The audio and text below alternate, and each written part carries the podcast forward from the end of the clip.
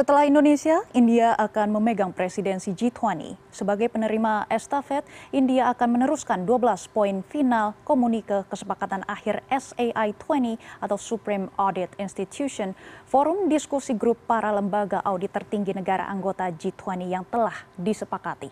Final komunike SAI 20 yang disahkan berupaya rumusan bagaimana negara-negara anggota G20 menata keuangan di tengah pemulihan ekonomi pasca pandemi COVID-19. Perwakilan lembaga audit tertinggi India, Parvin Mehta, memberikan pandangan SAI 20 perdana yang diinisiasi oleh Indonesia. Pada tahun 2023 mendatang, India akan menerima estafet presidensi G20, termasuk Supreme Audit Institution 20.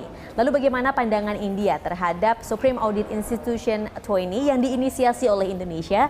Kita akan membahasnya dengan perwakilan dari India untuk Supreme Audit Institution 20, Mrs. Parvin Mehta. Thank you very much for uh, making your time here for CNN Indonesia Road to G20. It's my pleasure. Is it your first time visiting Bali here for the Supreme Audit Institution? Yes, it is our first time. In fact, we're a delegation of 5 and for four of us, it's the first time. So this is your first time. So let's talk about Supreme Audit Institution 20. This is our Supreme Audit Institution, our first time initiated by Indonesia. How do you see so far about the first summit of Supreme Audit Institution?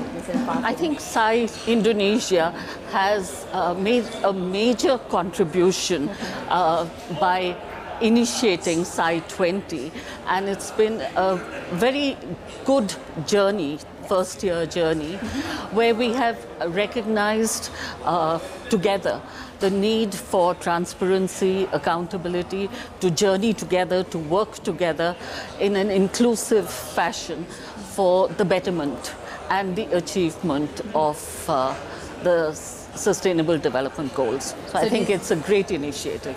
a great initiative and the first journey, right? So when we talk about Supreme Audit Institution, we talk about SDGs, uh, economic recovery. So would you mind to tell us more about how Supreme Audit Institution India to ensure the SDGs goal with uh, no one left behind on 2030, Mrs. Park? You know, um, India, SAI India has actually been one of the pioneers in auditing uh, this aspect of, and so we did in 2019, we did an audit of uh, the preparedness of the executive for implementing the SDGs. And uh, with that, we suggested, because I think the biggest learning and what struck us is that how comprehensive and holistic the SDGs are, and you cannot see them as silos. Yes. You have to have a comprehensive perspective. And uh, we made certain suggestions to the government, which were very well received. And these included, you know, making it more participatory, more inclusive by. Um, uh, by publicizing Absolutely, so yes. that the common citizen is also aware. We talked about having a very uh, concrete framework for Concrete assessing progress and uh, you know a timeline and a roadmap with uh, definite milestones and the government has been very uh, let's say receptive and appreciative of this Okay, so let me be clear. So is it the right time to initiate the Supreme Audit institution in the G20 presidency? Do you I think think that it is. I Yes. think it is. I think it is, and What we're very? Yes. we are very um, excited about uh, our chairmanship Yes. of SAI 20. We do not see it as, uh, you know, end of Indonesia's chairmanship and our uh, start of ours.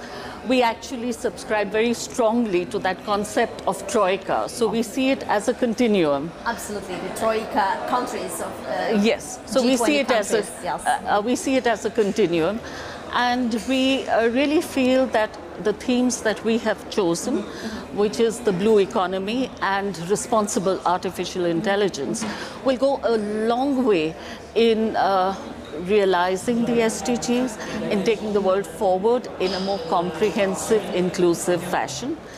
And uh, we see this SAI 20 as a force mu- multiplier for uh, ensuring that there is an external independent assessment and um, you know even with the government we see ourselves as a collaborative contributor Collaborative and inclusivity is one of the key of this uh, uh, Supreme Audit institutions, right? So, Mrs. Mahat, uh, transparency and uh, accountability is one of the key Yes. of this Supreme Audit institution 20. Yes. So, would you mind to explain us how uh, Supreme Audit institution India promote uh, those key for non-finance, uh, non-financial government such as social, environmental, and everything related to non-financial uh, government. What do you see about that one?